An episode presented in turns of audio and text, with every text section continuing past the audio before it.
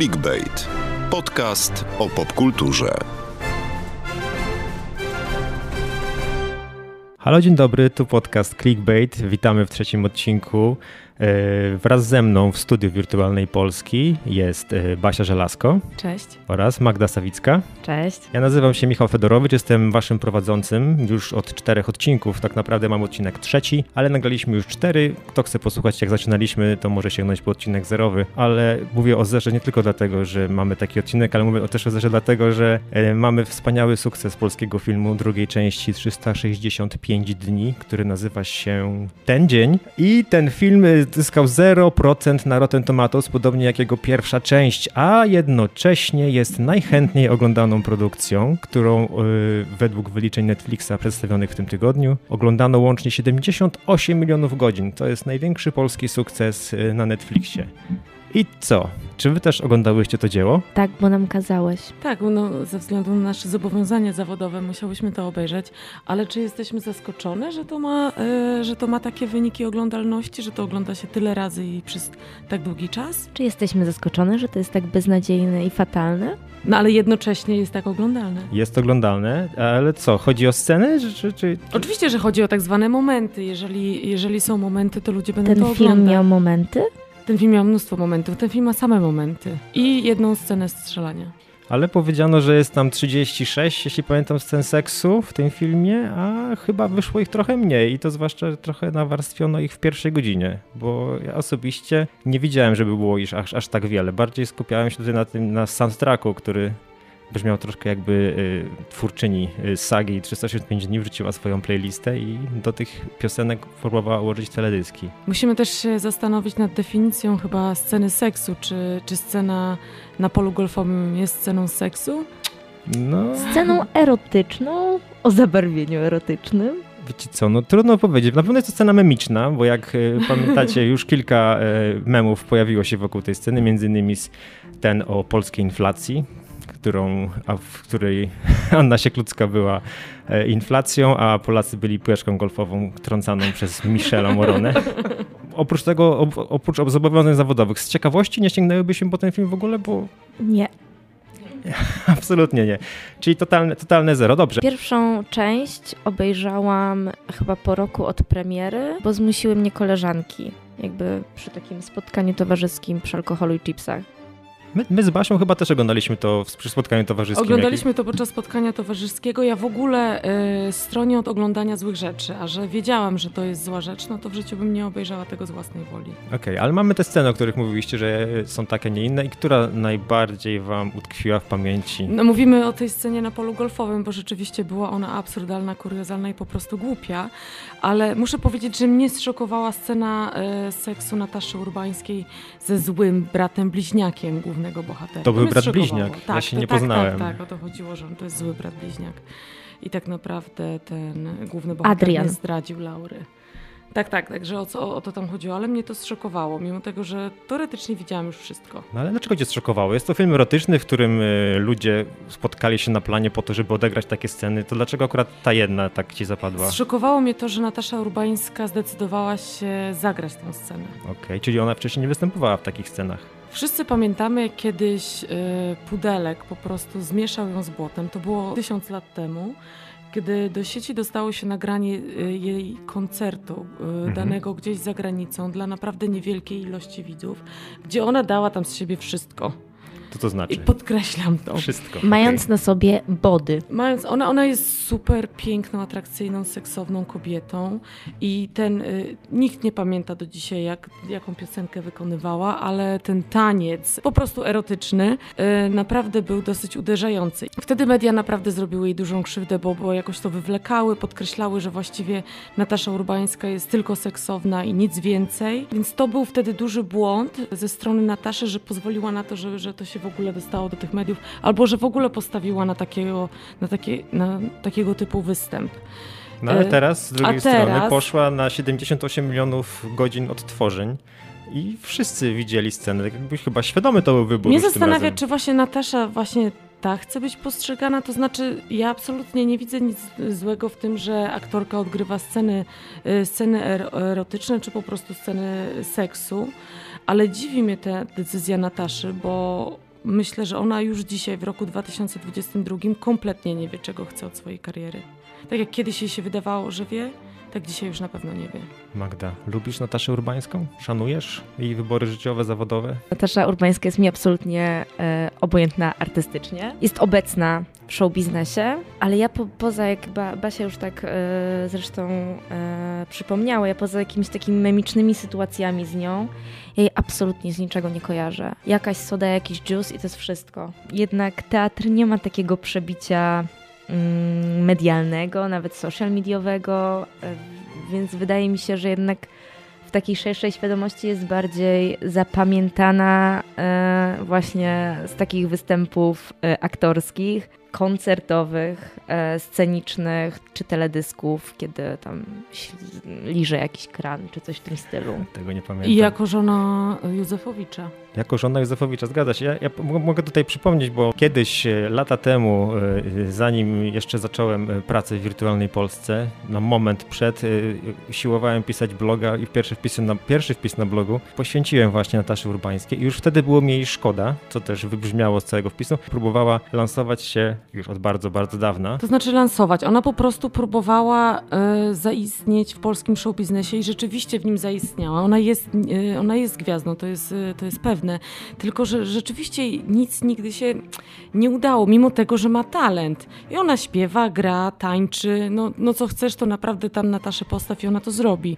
Tylko to wszystko jest jakoś tak bez sukcesu i bez poklasku. Nie ma wątpliwości co do tego, że to jest niesamowicie atrakcyjna kobieta, bardzo zgrabna, piękna. Wydaje mi się, że jest to jedna z najatrakcyjniejszych kobiet w polskim showbiznesie i chyba przede wszystkim przez ten aspekt jest postrzegana, ale poza tym świetnie tańczy i śpiewa, a jednak no nie pykło. No widzisz y, Magda i ty mówisz, że ona jest y, y, świetnie tańczy, świetnie śpiewa, ale jest postrzegana niestety jak ten obiekt seksualny i co robi Natasza? Występuje w filmie. Występuje w filmie, w tej scenie, 51 minuta i tak jakby czego teraz Natasza oczekuje od odbiorcy? Jestem bardzo ciekawa. Ale jednak trochę nam szkoda? No chyba mi szkoda wciąż. Nie, nie, w ogóle mi nie jest szkoda, bo, bo dlaczego? Tylko jestem po prostu zafascynowana tym wyborem zawodowym Nataszy. Czy jest coś gorszego według Was od tego, co tutaj oglądaliśmy? Jakie inne złe filmy Netflixa możecie tak, Netflixa albo takie, które Netflix sobie podkupił, żeby puszczać na swojej platformie? E, może niekoniecznie to filmy erotyczne, bo to chyba jest jeden z pierwszych takich, ale są, może są jakieś, które przybijają poziomem takiej żenady, to co mogliśmy tu oglądać. Ostatnio Poskromienie Złośnicy. To też jest polski film i też jest produkcji Netflixa.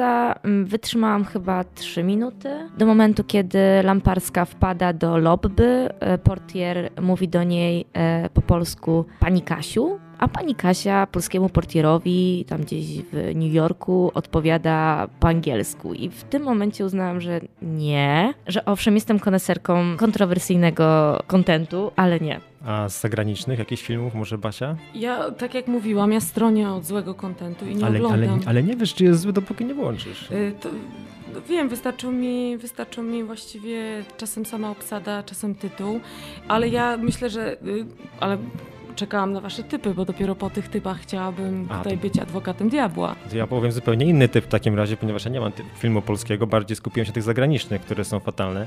E, może na przykład e, mamy, nie wiem czy pamiętacie, pierwszy taki blockbuster Netflixa miał być z Willem Smithem i Joelem Edgertonem, w którym Joel Edgerton grał orka, a film rozgrywał się w, Tak. W współczesności, który był połączony Mhm. ze światem fantazy. Brzmi jak hit. Brzmi jak hit i to było super. I oprócz tego naszego 365 to chyba był wcześniej taki najchętniej oglądany do tej pory. No, e, nazywa się Bright, e, jeśli ktoś pamięta. Ja oglądałam. To jest jeden z takich filmów. Inny to na przykład e, Paradox Cloverfield, nie wiem czy znacie. Kolejny film, taki trochę science fiction, podpinający się troszkę pod markę Cloverfield. Paramount, y, Paramount Pictures chciał go wypuszczać w kinie, Netflix go podkupił chyba na szczęście, bo nie wiem, czy ktokolwiek go chciał potem oglądać, ale to był akurat fajny motyw z paradoksem, dlatego że y, Netflix zastosował tu ciekawą taktykę, ponieważ podczas Super Bowl wypuścił teaser tego filmu w przerwie reklamowej i z napisem, że po zakończeniu Super Bowl film będzie dostępny na platformie. I to była jedyny, jedyna jego zapowiedź. I ludzie po prostu rzucili się na niego, żeby oglądać, zobaczyć, co Netflix gotował. I to się udało. To ludzie oglądali, ale zapamiętali to po prostu jako taki naprawdę zły, fatalny film. No więc ja typuję raczej zagranicy, bo wiadomo, że polskie filmy raczej nigdy, może nie wiadomo, ale mi nigdy nie przypadały do gustu i stronie od nich. Ja chcę tylko powiedzieć, że mnie nie dziwi, że, że platforma, która tyle tego kontentu tworzy, tworzy też tyle gniotów. Myślę, że to jest po prostu e, efekt uboczny e, tak masowej produkcji, że wiele rzeczy musi, musi pójść źle. Poza tym Netflix jest domem dla ludzi, którzy uwielbiają oglądać, a tacy ludzie uwielbiają też oglądać rzeczy złe i nie przeszkadza im oglądanie rzeczy średnich. Dlatego rzucą się na to poskromienie złośnicy.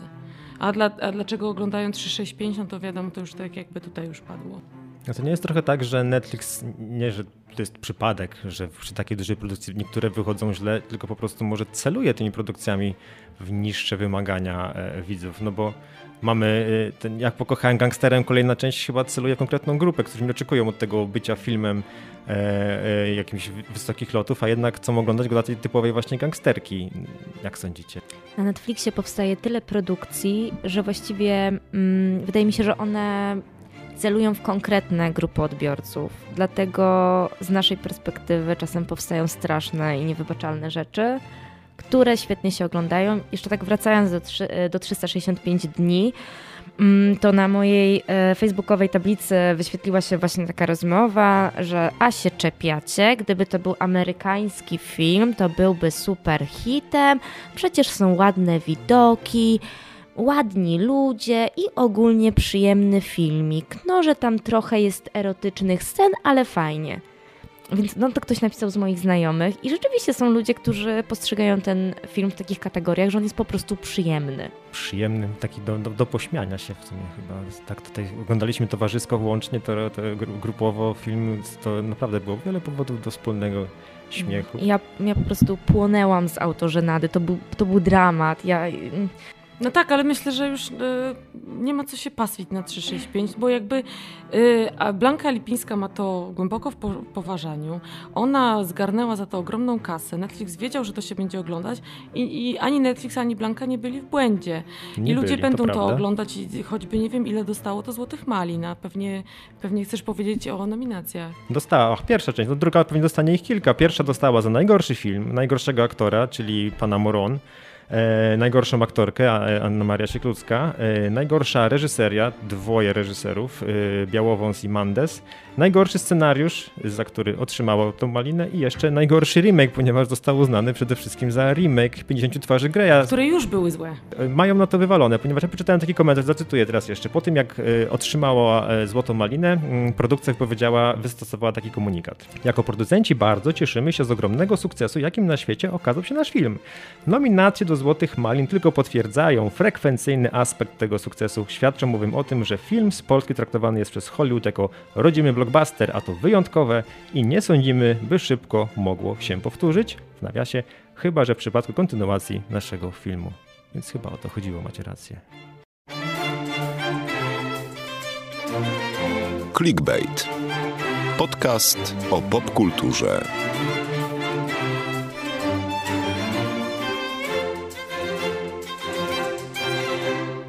Polacy jej nienawidzą. Wszędzie słyszą tylko to. Mowa oczywiście o dosyć mocno popularnej reklamie jednego ze sklepów internetowych, który na polskim rynku pojawił się we wrześniu ubiegłego roku, ale dopiero w tym roku postanowił postawić na kampanię, e, w której użył no, piosenki de facto kojarzącej się z dzieciństwem, z małymi dziećmi, z wkręcaniem się w głowę bardzo znanego rytmu. Z piekłem? Z piekłem, niektórzy mówią nawet tak. Niektórzy nazywają reklamę e, sklepu, o którym nie będziemy mówić głośno, żeby wam nie wkręcać w głowę te, te słów tej piosenki, jako o najgorszej reklamie, jaką kiedykolwiek powstało. Mi się ta reklama podoba, dlatego że może nie słuchałem tak e, często Baby Sharka, moje dzieci miały inne zainteresowania muzyczne i uważam, że wpada w ucho i spełnia swoje zadanie, ale wiem, że no, na przykład Magda chyba nie bardzo przypada do tą reklamą. co chodzi z tym Baby Sharkiem? Jako, że jestem mamą trzylatka, to Baby Shark jest puszczany w naszym domu milion razy. No... Mm Mój syn e, miał krótką fazę w sumie na Baby Shark. Przestał ją mieć, odetchnęliśmy z ulgą, ale później okazało się, że w przedszkolu na, na języku angielskim puszczana jest ta piosenka i dzieci sobie śpiewają Baby Shark i, i do niej tańczą, więc później miłość do Baby Shark odżyła na nowo. A teraz jeszcze bardziej przez tą reklamę. My właściwie bardzo mało oglądamy telewizji. Jeżeli już puszczamy to z mm, platform streamingowych, żeby było bez reklam, więc właściwie moje dziecko nigdy tej reklamy nie widziało, nie słyszało. Ale ona też jest e, e, puszczana także w radiu. W radiu i na, na YouTubie, w przerywnikach, jest po prostu wszędzie. Jest to gigantyczna kampania, ale jakby ta, ta piosenka nie, nie została wymyślona, ta wersja tej reklamy nie została wymyślona w Polsce. E, w reklamie sklepu występował przed czterema czy pięcioma laty Cristiano Ronaldo i on także wykonywał ruchy znane z piosenki Baby Shark, a obecnie z reklamy sklepu internetowego, w której rytmicznie wciskał kupowanie na, na, na, na, na swoim telefonie komórkowym i wtedy nie było takiego płaczu. Wszyscy uznali, że Ronaldo ma dystans do siebie i jest ok. Tutaj mamy sytuację, w której ludzie przełączają i jakby sugerują, że w ogóle nie będą kupować. Nie wiem, czy aż tak negatywnie. Na pewno osobiście E, zapamiętam mm, e, markę, która próbuje się przebić na polski rynek, podobnie jak zapamiętałem reklamę jednego ze sklepów sprzedających RTV e, i AGD z Eweliną Lisowską. No właśnie, tak sobie myślę, że gdy, gdy mieliśmy rozmawiać o, o, reklamie tego sklepu, to mi przypomniała się właśnie reklama tego sklepu RTV AGD z Eweliną Lisowską i skargi e, internautów na nią, jak oni pisali, że już mają dość. Ona, zwłaszcza intensyfikacja nastąpiła przed okresem e, bożonarodzeniowym, bo wtedy, wtedy jest to największy prosperity sklepów i ona była puszczona absolutnie wszędzie i non-stop i ludzie skarżyli się nie na media, co śpi, kto się wypika, e, tylko na Ewelinę Lisowską. Wtedy najwięcej na tej, na tej kampanii, która była non-stop w naszych głowach, w naszych uszach, straciliśmy my i Ewelina Lisowska. A ten sklep e, myślę, że głównie zyskał. Teraz, kiedy myślę o tej reklamie tej platformy e, zakupowej, to sama nie wiem. Na pewno my straciliśmy przez to, że musimy tego słuchać, ale czy ten sklep zostanie na rynku? Wątpię. On pojawił się, tak nagle wyskoczył jak jak wiadomo, co za krzaka, e, z tą durną piosenką, z bardzo brzydką wizualnie reklamą. Ta kampania, ta koszmarna kampania, o której teraz rozmawiamy, kończy się dniu, w którym nagrywamy, więc możliwe, że jeżeli oni teraz nie znajdą kolejnego jakiegoś e, chwytliwego dżingla, to przepadną. Może, tak będzie faktycznie, ale e, Ewelin, reklamy z Eweliną Lisowską też miały być tymczasowe, a okazały się takim sukcesem, że puszczano je nie, nie chcę skłamać, ale na pewno przez 12 miesięcy słyszałem nieustannie tę piosenkę i ona mi się strasznie wkręciła w głowę. E, podobnie jak e, tutaj nowa wersja tego właśnie Baby Sharka. Myślę, że tam problemem jest to, że widzimy, jak już ją obejrzymy, to widzimy na ekranie tych ludzi strasznie wykonujących straszne ruchy i koszmarnie ubranych, a nie widzimy w ogóle oferty tego sklepu. Czyli oni tańczą na jakimś rynku, w mieszkaniu, w kuchni, ale czy, czy ja wiem, po ile tam mogę kupić telewizor na tej platformie? Wygląda nie jakby wiem. za 5 zł wszystko było troszkę. No, y, tak, zwłaszcza te ciuchy, więc y, moim zdaniem w tej reklamie jest za mało oferty a za dużo efektu wow, który jest naprawdę bardzo krótkodystansowy. Właśnie jeśli chodzi o samą piosenkę, no mamy tutaj y, rzecz, która wkręca się w ucho, pozostaje z nami, nie potrafi wyjść z głowy. Y, czy może macie jakieś, może niekoniecznie związane z reklamą, ale inne piosenki, które po prostu wryły wam się tak w głowę, że nie potrafiłyście przez długi czas ich y, z siebie wyrzucić. Jest coś takiego? Jezu, to jest dla mnie każda piosenka Anny Wyszkonie. nie, potrafię, nie wiem dlaczego. Nie potrafię teraz zaśpiewać żadnej, więc może podpowiedz. Czy ten pan, Basia, pani, prawdopodobnie jesteś jedyną osobą na świecie, która pamięta piosenki. Dla mnie to jest, Ani e, dla mnie to jest y, naprawdę koszmar, jak nie daj Boże gdzieś e, właśnie w Radiu Z czy w RMF poleci, to już dla mnie jest, dzień jest na straty.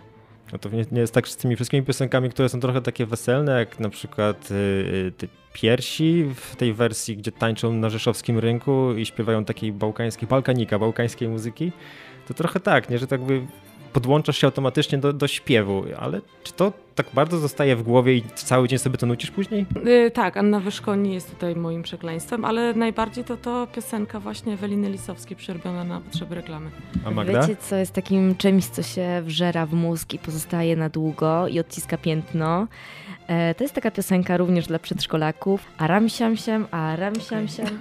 Tak, i ja to raz puściłam mojej przyjaciółce i ona jeszcze kilka dni później dziękowała mi za to, bo nie mogła się od tego uwolnić. Jest to straszna piosenka i, i do tego jest nawet y, układ taneczny, którego nauczył mnie mój syn. Słuchajcie, ale tak, no mimo, że te piosenki dla dzieci się wygrzenają w głowę, to na liście, którą e, przed kilkunastoma miesiącami opublikował Uniwersytet w Durham, e, nie ma żadnych piosenek dla dzieci. A przeczytam wam tę listę, mam tam dziewięć utworów, które tak naprawdę, którymi według tych uczonych najłatwiej się zarazić. I aż trzy utwory są Lady Gagi. E, pierwszy z nich to jest Bad Romance, mm, drugi to jest Alejandro, a trzeci to jest Poker Face. Dalej mamy Kylie Minogue, i którą piosenka... Can get you dokładnie, dokładnie. Ta piosenka, której nie można wrócić z głowy, zostaje tak. najbardziej w głowie. Can't get you out of my head. E, mamy utwór Gotie, który nagrał właściwie jedną piosenkę Jeden i zniknął. Somebody that I used to know. E, Maroon 5, Moves Like Jagger, Katy Perry, California Girls. Nie słyszałem tej piosenki nigdy. Słyszałeś. Słyszałeś, musiałeś. Mhm. Słyszałem, ale nie znam tytułu. Dobrze. E, Queen, Bohemian Rhapsody i jeszcze mamy zespół Journey i Don't Stop Believing. Ale dobra, a czy macie jakiś sposób, żeby tą, piosen- tę Anię Wyszkoni wysunąć z głowy? Co robisz, żeby tego, to wywalić? Puszczam inną piosenkę po prostu. I od razu przeskakujesz? Nie jest tak, że... No, to nie jest tak, że w mojej głowie grają dwie piosenki jednocześnie. nie, na to są leki. A Magda? Nie, nie mam sposobu. Ja po prostu płynę z prądem i już później ram się przez cały dzień. Aż, aż, aż, ja mam tak, że jak słucham, jak się wkręci, nawet nieraz ją we śnie słyszę. E, tutaj uczeni podpowiadają, że najlepiej przesłuchać taki znienawidzony utwór do końca, żeby skupić nie tylko na refrenie charakterystycznie zapadającym e, w, w, ucho, wpadającym w ucho momencie, ale po prostu, żeby skupić się na całości, żeby przebrnąć przez całość i wtedy jest takie katarzis osiągasz, że przesłuchałeś i masz coś odrobionego. Nie musisz do tego wracać, do tych, do, do tych słów. Albo inaczej po prostu zmusić się do słuchania czegoś innego i, i no i tak chyba powinniśmy robić. Baby Sharka. I tak wygląda teoria. Baby Sharka zamiast Ani Wyszkoni. Clickbait. Podcast o popkulturze.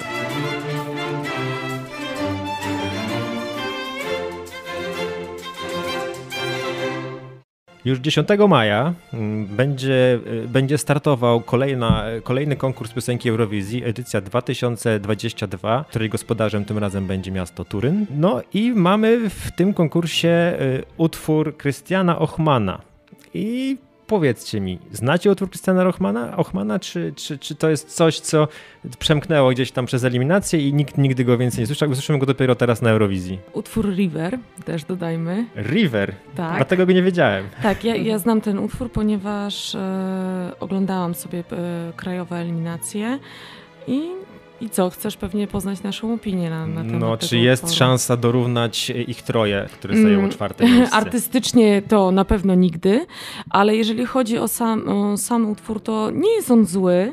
Zwłaszcza, że Ochman ma naprawdę świetny głos. Ta kompozycja jest naprawdę interesująca, ale nie, absolutnie nie wygramy. A co ma szansę wygrać Magda? E, ja z osoby, która przez całe życie nie oglądała Eurowizji. Ale poczekaj, poczekaj, poczekaj. Nie oglądałaś Eurowizji? E, znaczy, jakoś te finały, owszem, bo gdzieś tam leciały w tle w rodzinnym domu, ale niespecjalnie się tym emocjonowałam. Natomiast e, ubiegłoroczny konkurs tak mnie zaskoczył e, kilkoma wykonawcami, że tutaj już w rok zdążyłam się doktoryzować w, te, w temacie. Jeśli chodzi o e, Krystiana, to ja byłam bardzo ciekawa, jaka jest recepcja e, i tego artysty, i jego utworu. e, za granicą, dlatego oglądałam bardzo dużo takich youtuberów, którzy wypowiadają się na temat kandydatów e, eurowizyjnych. A dużo jest takich wideo? Tych ludzi, którzy przeżywają e, taką Eurowizję, że analizują tak, przed? I fandom Eurowizji jest naprawdę prężny i duży. Tak, no. jest bardzo dużo takich jakby oficjalnych. Są ludzie, którzy na przykład zajmują się emisją głosu, są nauczycielami emisji głosu i oni również wypowiadają się na ten temat. Oglądałam nawet po hiszpańsku, oczywiście nie miałam pojęcia o czym mówi pan, ale jakby tak próbowałam z jego e, intonacji i mimiki twarzy. Czy było dobrze, czy niedobrze? Było bardzo dobrze. Tak. Było bardzo dobrze. Wszyscy się zachwycają. Si. Si. Mucho. E, ale generalnie tak, było bardzo dużo. Ludzie byli zaskoczeni. Byli bardzo zaskoczeni, kiedy on tam wyciąga te swoje operowe dźwięki, tym, że udało mu się ten mm, taki bardziej hip-hopowy beat połączyć i że to tak gra. Bardzo im się też podobała wizualizacja, zarówno z tych polskich preselekcji, jak i sam teledysk, bo niektórzy wypowiadali się na podstawie teledysku, a niektórzy na, te, na, na podstawie tego występu na żywo i nawet niektórzy wychodzili z założenia, że na żywo prezentuje się on znacznie lepiej niż na wideo. Co więcej, Ochman miał em, trasę po Europie i tam koncertował. Ja byłam absolutnie zaskoczona tym, że ludzie śpiewają z nim tą jego piosenkę. Oni znają każde słowo. O matko. Tak. I, Na pewno ułatwia im to, że, że Tak. piosenka jest po angielsku. Tak, i że on ma bardzo dobry angielski. Co więcej, oglądałam też takie różne zestawienia prawdopodobnych zwycięzców, czy Aha, okej. Eee. I który, na którym miejscu był Krystian? Na pewno był w pierwszych piętnastkach i dwudziestkach. Czyli według nich Krystian w ogóle dostanie się do finału, bo przypominamy, że, y, że to jest tak, że wsz- niemal wszyscy poza pięcioma krajami y, muszą wziąć udział w półfinałach i nasz polski kandydat wystąpi w czwartek, 12 maja. Tak, i praktycznie każdy jest pewny, że on ten półfinał przejdzie e, lekko, Śpiewająco? śpiewająco, Śpiewająco. a nawet e, to Stowarzyszenie Miłośników e, konkursu piosenki Eurowizji typuje, że ma on szansę być w pierwszej dziesiątce, mniej więcej na siódmym miejscu. No to całkiem nieźle. Jak Całkiem na... wow. Ale będziemy weryfikować. e, Także ja się kompletnie z tym zgadzam, że rzeczywiście wygrać mu się nie uda, natomiast pierwsza dziesiątka jest w zasięgu jego ręki. A kto wygra w tym roku w takim razie? Czy to będzie Ukraina? Bo wydaje mi się, Aha, że poli... wiem, wiem do czego pijesz, y, ponieważ no, y, trudno, na pewno nie możemy mieć tutaj Eurowizji w, w tym roku, w której będziemy udawać, że w Europie nie ma wojny, bo y, Ukraina została najechana przez Rosję, Rosja została wykluczona y, z konkursu i y, na pewno jednym z przesłań tego konkursu będzie y, apel o wolność i, i pokój w Ukrainie. Czy, czy to będzie miało wpływ na głosy ludzi? Mówi się, mówi się, że tak, że wszyscy będą głosować y, na, na kandydata z Ukrainy, y, żeby pokazać wsparcie. Ja tylko powiem, że chyba nie ma mniej przewidywalnego wydarzenia niż Eurowizja, więc możemy dzisiaj sobie gdybać i mówić, a możemy się totalnie zaskoczyć w sobotę 14 maja i za to też kocham ten konkurs. Ale też może Magda powiedz, czy, czy jest y, w porządku ten kandydat Ukrainy? Według mnie tak. Jest to chwytliwa na pewno piosenka, jest śpiewana po ukraińsku.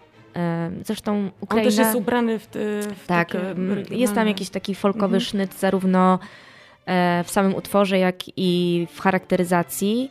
I mam wrażenie, że on ma szansę, bo jest po prostu chwytliwy i, i ta melodia, teraz mi gra w głowie.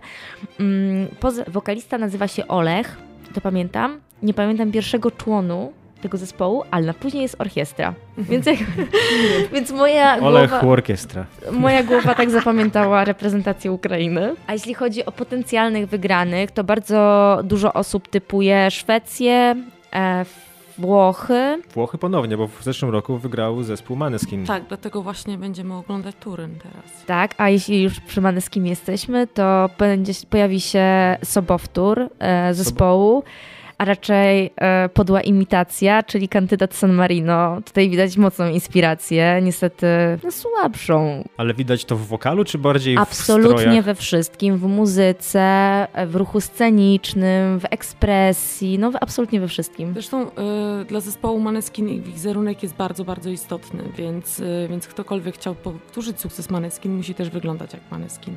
Ale bardzo mi się podoba to, co powiedziałaś właśnie o Olechu z Ukrainy i o tym folkowym sznycie, bo mi się wydaje, że to jest super trend w Eurowizji, że przedstawiciele krajów sięgają właśnie do, tych, do, do tradycji swoich regionalnych. Tak, i super jest też we, w reprezentacji Francji to, że z, ja przynajmniej Francję zapamiętałam tak, że najczęściej jest to jakaś e, francuska diwa, która po prostu śpiewa po francusku jakiś piękny utwór. Natomiast teraz e, reprezentuje to zespół, kilku wokalistów, bardzo skoczna, bardzo folkowa piosenka i śpiewają po bretońsku, to też wydaje mi się ciekawe. Oczywiście ja nie jestem w stanie wyłapać, czy to jest bretoński, czy to jest francuski. No, mówię to jako raczej ciekawostkę. Mm, Więc tutaj też y, rzeczywiście jest ten trend na, trend na folk. Widać go również y, u reprezentantki Cypru i wydaje mi się, że na Islandii. Oczywiście nie będzie tak super, jak było w ubiegłym roku, czyli drugi Daddy już nigdy nie wystąpi. E, No ale też jest fajnie. Zresztą jest bardzo dużo takich indie popowo-rockowych i, folkowych brzmień. Czyli odchodzi się już od ballad i naprawdę y, szuka bardziej interesujących jakichś kierunków. Na pewno ten konkurs jest bardzo zróżnicowany muzycznie i mam wrażenie, e, że ubiegłoroczny konkurs pokazał, że Eurowizja to nie jest tylko festiwal cringe'u, e, brokatu, cekinów i imitacji e, Beyoncé, ale też mogą się pojawić wartościowe muzycznie zespoły czy wokaliści. Teraz, a nieraz się pojawiają również znane zespoły, których nie podejrzewalibyśmy nawet, że mogą się pojawić na Eurowizji. Ja mam tak, miałem tak w zeszłym roku, kiedy y, zauważyłem, że nic tego nizowego na ekranie zaczął śpiewać zespół Hooverphonic z, z piosenką The Wrong Place. Zespół znałem już zdecydowanie lata wcześniej, co prawda teraz się pojawili z inną wokalistką, ale zdecydowali się przyjechać, nie zagrzali, y, nie, nie, No nie, właśnie. Ale nie tobie się bardzo podobali. No ja pamiętam, że byłeś bardzo za nimi. Tak, strasznie kibicowałem. Ta piosenka jest wpadająca w ucho i tej piosenki nie mogłem usunąć ze swojej głowy przez długi czas. W tej chwili sobie ją właśnie nucę. Zespoły, które są znane, mają małe szanse, jakby To jest przegrywają. właśnie ta nieprzewidywalność y, Eurowizji, że ta Eurowizja to jest jeden tydzień wyjęty z całego życia, gdzie reguły są postawione na głowie. I jeszcze jedna rzecz, za którą ja kocham ten konkurs, to jest e, tak, e, to jest queerowość te, Tak, tego wydarzenia. I to, że w telewizji polskiej Jacek Kurski musi w ogóle zamykać oczy co, pa, co, co pół minuty, bo gdzieś tam jest flaga, bo gdzieś jest mowa o prawach człowieka, bo gdzieś jest mowa o wolności, demokracji. O prawach kobiet. O, o prawach kobiet, o prawach mniejszości, o równouprawnieniu wszystkich y, płci i wszystkich osób na całym świecie. No przecież to musi strasznie boleć TVP. A mimo to to leci, ponieważ to się ogląda jak złoto. Chciałam jeszcze nawiązać do tego, co, co mówił Michał, że pojawiają się wielkie powroty i mamy tutaj kolejny wielki powrót w tym roku, czyli Derasmus, e, którzy śpiewają e, taką samą piosenkę, jaką zawsze śpiewa Derasmus i serio nie jesteście w stanie w ogóle rozpoznać, czy to jest nowość, czy coś jest sprzed 10 lat. E, I o dziwo w tych zestawieniach fanowskich z mm, najprawdopodobniejszymi finalistami Derasmus tak często nie występuje. Tak, nikogo nie obchodzi, że Erasmus kiedyś y, jakiś sukces odniosło. To w ogóle nie ma znaczenia. Tylko chodzi o piosenkę Eurowizji. po prostu. daną Chodzi o, te, chodzi o te trzy minuty na scenie i że oni mają nas porwać. A jeszcze, y, i myślę, że każdy widz y, Eurowizji, y, który przeżywa Eurowizję w domu się ze mną zgodzi, że w ogóle oglądać sam finał dla momentu podawania wyników, to jest prawdziwa uczta. Strasznie późna uczta, bo to się dzieje często i po północy nawet. Ja pamiętam, że zarywałem nockę. Pierwsza Ale sen jest dla przegranych, a Eurowizja jest dla zwycięzców. Ale tak, no teraz dzięki social mediom można właściwie przez cały tydzień emocjonować się Eurowizją, dlatego że już pierwsze próby na żywo na scenie em, odbyły się w niedzielę i teraz na YouTubie cały czas e, pojawiają się streamingi. E, można te e, występy podglądać, e, oczywiście fragmentarycznie. No, nie wiem, no ja, ja lubię Eurowizję, ale może nie dlatego już nawet dla samego aspektu muzycznego, który moim zdaniem jest w ogóle drugorzędny w tym konkursie, ale właśnie dla takiego widowiska i trochę dla cringe'u. Myślę, że też coś bardzo ciekawe dla Eurowizji, to tak.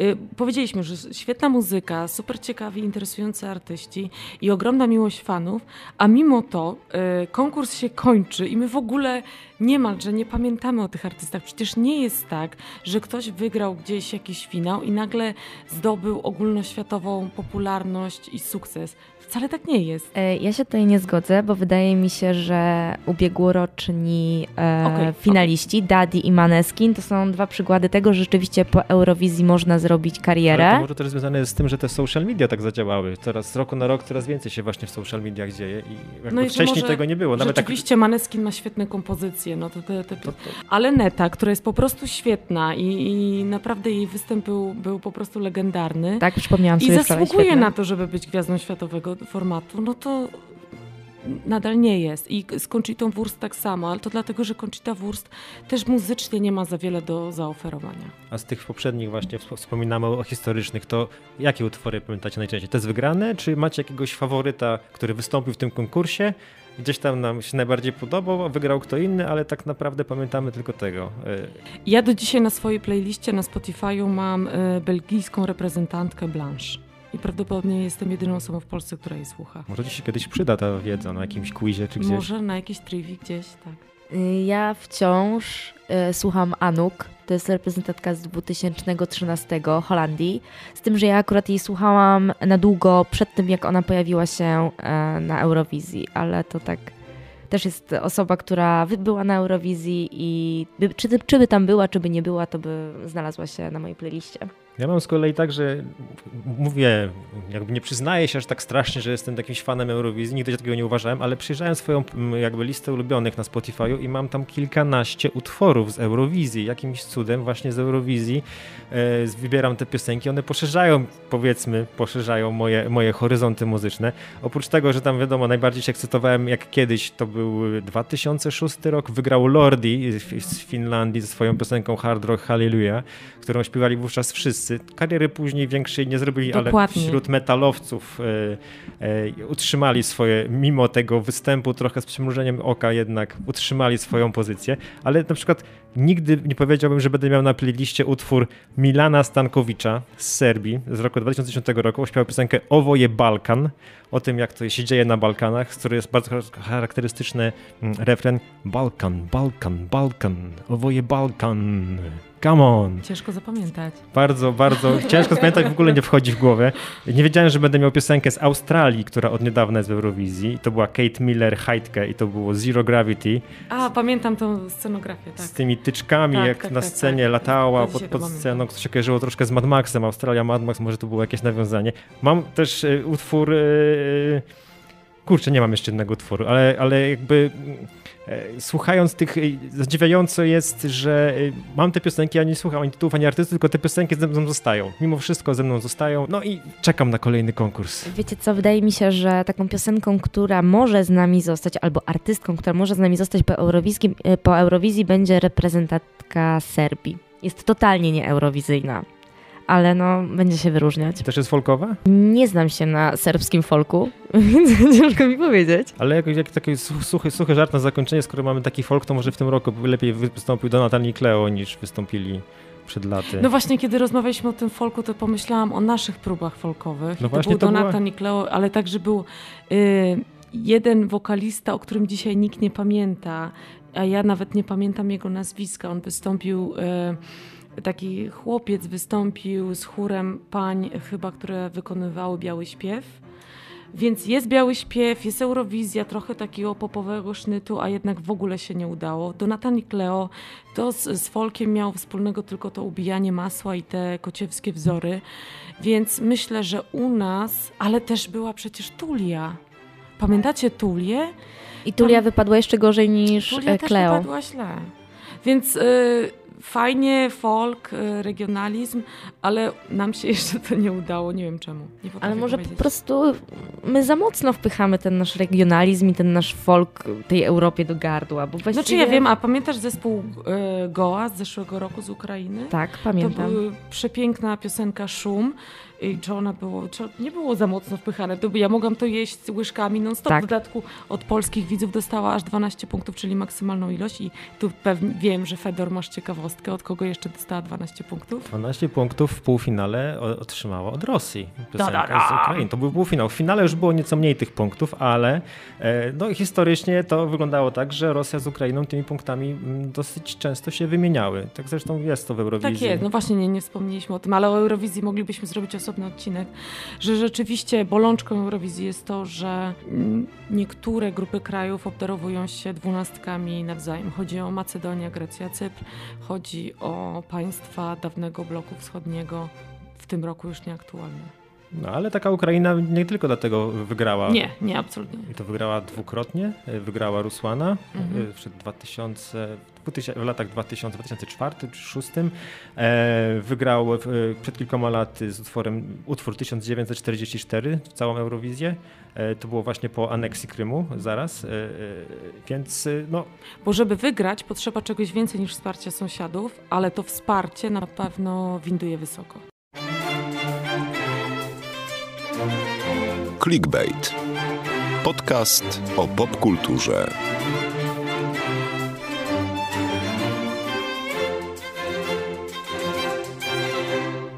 No dobra, tyle, tyle dziś mówiliśmy o rzeczach, które są takie raczej złe, nieciekawe. I o Eurowizji. I o Eurowizji, która nie jest taka zła, jak się okazuje. E, ale y, mamy rzeczy, których y, których osobiście my oglądamy, y, nad którymi spędzamy bardzo wiele czasu, z serialami, filmami i innymi produkcjami. My o nich dyskutujemy na forum redakcyjnym. Zastanawiam się, dlaczego o tych filmach, serialach i innych produkcjach nie mówi się więcej. Jest takich rzeczy sporo. Basia, co masz takiego, co, co żałujesz, że nie, nie, nie, nie, ludzie nie dyskutują tak często, jak powinni? Co, nam, co, co umyka? Co tracą? E, pamiętam, że e, kiedy ja zaczęłam oglądać e, nowy serial na HBO pod tytułem Ktoś gdzieś, to mówiłam o nim absolutnie każdemu i chciałam zmusić absolutnie każdego, żeby go włączył. Nie wydaje mi się, żeby, żeby mi się udało chociażby z jedną osobą, a bardzo żałuję, ponieważ serial na HBO Max Ktoś gdzieś powinien włączyć absolutnie każdy. Ale co to jest za serial? Dlaczego tak warto Serial, gdzie główną bohaterkę gra Bridget Everett. To jest taka znana amerykańska komiczka. Jest to y, serial z tak zwaną małą historią. To znaczy nikt tam nikogo nie leje po ryju. Nie ma żadnych wybuchów, nie ma żadnego strzelania. Tracisz nas. Jest bardzo mało mężczyzn. I o, to ja już nie oglądam. główną bohaterką Ja oglądam seriale właśnie... głównie dla mężczyzn. no to y, wiele tracisz nie oglądając ktoś gdzieś, ponieważ jest to historia, która dzieje się gdzieś w małym miasteczku w Kansas. Jest to historia o bliskości, o stracie, o tęsknocie, o odszukiwaniu samego siebie, samej siebie. Hmm. I, e, I oczywiście, jeżeli ktoś e, szuka laserów i wybuchów, to ich tu nie znajdzie, ale jeżeli ktoś szuka świetnie napisanej rzeczy, kojącej rzeczy, która daje jakieś takie pocieszenie, jest przesympatyczna, a jednocześnie absolutnie nie jest pretensjonalna, to bardzo polecam serial na HBO Max Ktoś gdzieś. O, krótkie odcinki. Od razu mówię, krótkie odcinki. To jest, to, to jest pozytywna rzecz. Tak, Natomiast tak. nie wiem, co masz do laserów i wybuchów, ponieważ ja żałuję, że o laserach i wybuchach nie mówi się częściej. Mówimy tylko o laserach i wybuchach. Nie, nie mówi się. No, czy słyszałaś o filmie Boss Level? Nie, co tam wybucha? Wszystko. Boss. Wszystko w tym filmie wybucha. Jest to fenomenalny film na Amazon Prime Video. Widziałem, że się, że się, że się pojawił, obejrzałem go sobie. E, fenomenalny z tego względu, że podaje nam tę samą historię, którą już znamy w inny sposób, ponieważ jest to film oparty na koncepcie z Dnia Świstaka, w którym bohater budzi się e, każdego dnia i każdy i ten dzień musi przeżywać na nowo. Oczywiście tutaj jest troszkę dodanego elementu science fiction, jakiegoś akceleratora cząstek, który zakrzywia czasoprzestrzeń i to... To brzmi jak gorsze Russian Doll. E, jak lepsze Russian Doll. E, główny bohater jest takim napakowanym, rzucającym one-linerami typem, który musi... Okej, okay, masz moją uwagę teraz, który, tak? Tak, ja, naprawdę napakowany. Masz publiczność. Jest taki, że tak jak, mówi, tak jak mówimy, że można na nim, na jego brzuchu ścierać ziemniaki. Parłabym, no. Musisz w takim razie obejrzeć. E, on e, bierze pistolet w garść, wylatuje przez okno, strzela do helikopterów, jego próbują zabić, on na różne sposoby próbuje zabić innych, na różne sposoby ginie. Ogląda się to z wielką przyjemnością, z wielkim uśmiechem na twarzy i niekoniecznie musi być do tego podane piwo, ale fajnie się to ogląda w towarzystwie. A zwłaszcza osoby, które lubią motyw z, e, z Dnia Świstaka, który widzieliśmy też między innymi w filmie Edge of Tomorrow na przykład. Tak samo jak w filmie, znanym motyw jest filmu z Palm Springs z z ubiegłego roku, który był takim, czy z roku 2020, który też był takim hitem pandemicznym. E, też mieliśmy motyw powtarzania się e, w kółko e, tego samego dnia. Jest to jeden z moich ulubionych. Mam nadzieję, że wielu ludzi też lubi to oglądać, więc polecam Boss Level na Amazon Prime. A Magda? Czy lasery, czy jednak obyczaje? Ja wszystko. Z jednej strony. Lasery i wybuchy w Kansas. tak. Mm, właściwie ostatnio to oglądam te same seriale Zobasia, czyli Minx, już wspomniane w wcześniejszych odcinkach, więc może już o nim nie będziemy mówić. Hacks, czyli komediantki. I... Ale o tym nie mówiliśmy. Co to jest ten Hacks? Ja zawsze chciałem obejrzeć i nigdy do tego nie sięgnąłem. Czy to ja... jest coś o ha hakerach? Y prawie. Prawie. W ogóle? Hacks, czyli polski tytuł komediantki, ale myślę, że y, są tak beznadziejni, beznadziejny, krzywdzący i mylący, że zostaniemy przy Hacks. Tak, y, jest to serial, który dzieje się w Las Vegas i częściowo w Hollywood, y, a właściwie w Los Angeles. Mm, bohaterkami są e, dwie komediantki, a raczej komiczki, które są na zupełnie, są zupełnie dwóch innych momentach swojego życia. Jedna jest dwudziestoparolatką, e, druga już jest dojrzałą kobietą z zasługami, milionerką i w pewnym momencie ich drogi się krzyżują. Jedna musi pracować dla drugiej. Cudowny scenariusz, cudowne dialogi i cudowna energia między... Krótkie odcinki. Dzięki. Tak, cudowna energia między bohaterkami. No, fantastycznie. Ja łyknęłam po prostu na raz. To ja jeszcze wspomnę, może nie krótkie odcinki, ale e, o tym serialu też już mówiliśmy i wciąż żałuję, że tyle osób go nie obejrzało i wciąż zachęcam wszystkich, żeby obejrzeć Severance, czyli rozdzielenie dostępne na Apple TV. Skończył się pierwszy sezon, e, zebrał fantastyczne recenzje. Jak patrzymy na ocenę na IMDb, to z każdym kolejnym z każdym kolejnym dniem ta ocena jest coraz wyższa, zwłaszcza finał, który ma bardzo rzadką notę 9,9 na 10. Jest e, serial, który dosyć wolno się rozkręcał, w finale po prostu potężnie uderzył i ludzie nie mogą się doczekać. Ja jestem pośród tych ludzi i gdyby moim zdaniem ten serial nie leciał na Apple TV, tylko na przykład na takim Netflixie, to byłby taki hit, że po prostu oglądałby go cały świat. Niestety, no po prostu fajnie, że platforma e, Apple'a dała pieniądze na to, ale z drugiej strony żałuję, że nie, nie w jakiś sposób Netflix, no bo tutaj miałby i nie dość, że bardzo oglądalny serial, to jeszcze wysokiej jakości, co, czego nie można powiedzieć o tych ostatnich, y, czy też nawet i nie ostatnich, co w większości produkcji, które Netflix y, publikuje. Co więcej, Apple dał też pieniądze już na drugi sezon, więc... Na drugi już Tak, tak, więc jeżeli ktoś się waha, niech się przestanie wahać i niech sobie wykupi siedmiodniowy dostęp, nie wykupi, weźmie próbny, próbny, za darmo. próbny tydzień na Apple TV i, i w, w, ten tydzień po prostu połknie cały pierwszy sezon Severance. Magda, jeszcze jeden serial masz. Tak, właściwie mam z Basią, bo to jest kolejny e, e, no, przy którym kompletnie się nie konsultowałyśmy, ale się okazuje, że oglądałyśmy w tym samym czasie i jesteśmy podobnie zachwycone. Jest to serial HBO Max Julia, opowiadający historię Julie Child. Jest absolutnie cudowny, wspaniały, ciepły i robi dobrze na serduszku i na żołądku. Czekaj, czekaj, czy to jest serial o tej kucharce? Tak, to jest Tak. serial o tej kucharce. Bo ja kojarzę ją z filmu z Amy Adams, Julie. Ona nie Julie. jest kucharką, ona jest autorką książki No, no, ale ko- tak. kojarzę ją z obrazów kuchni. Właściwie Może skończyła e, szkołę kucharską, ale tutaj jest właściwie taką osobowością telewizyjną chyba i autorką książki kucharskiej. Zresztą od tej e, pierwszej książki kucharskiej zaczęła jej się cała kariera właściwie. I właśnie w tym momencie poznajemy Julię Child w tym serialu. Mm, Została już opublikowana jej książka.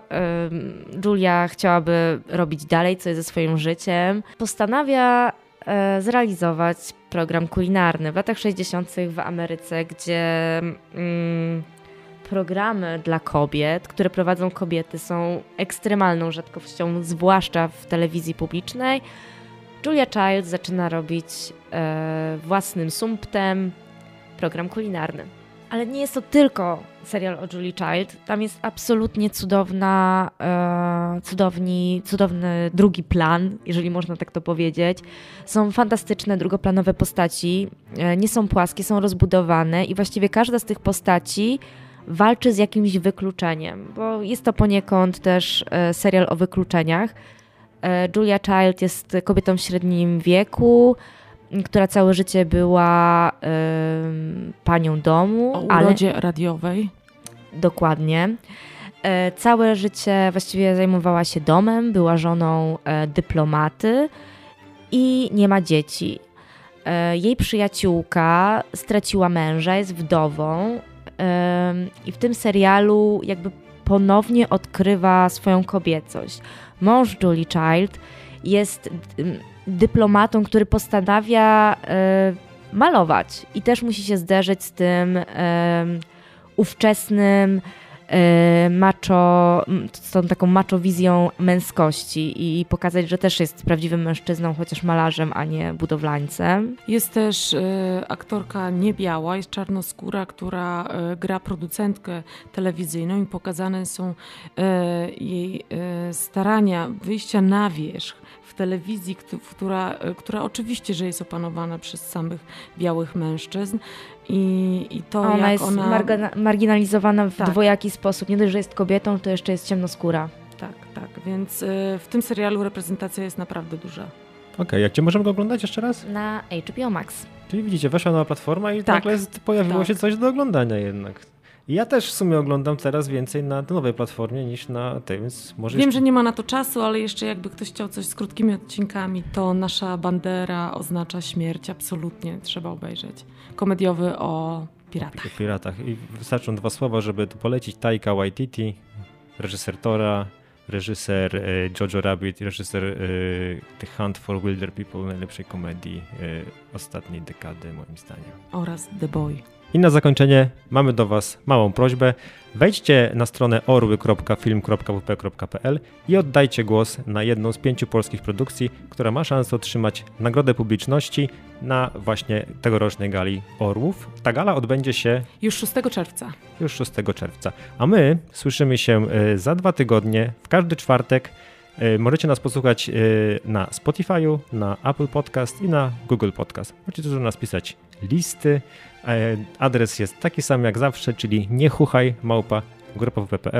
Czekamy na Wasze wiadomości. CHU otwarte. CHI i otwarte. Dziękujemy bardzo. Życzymy miłego dnia. Cześć! Cześć! Cześć.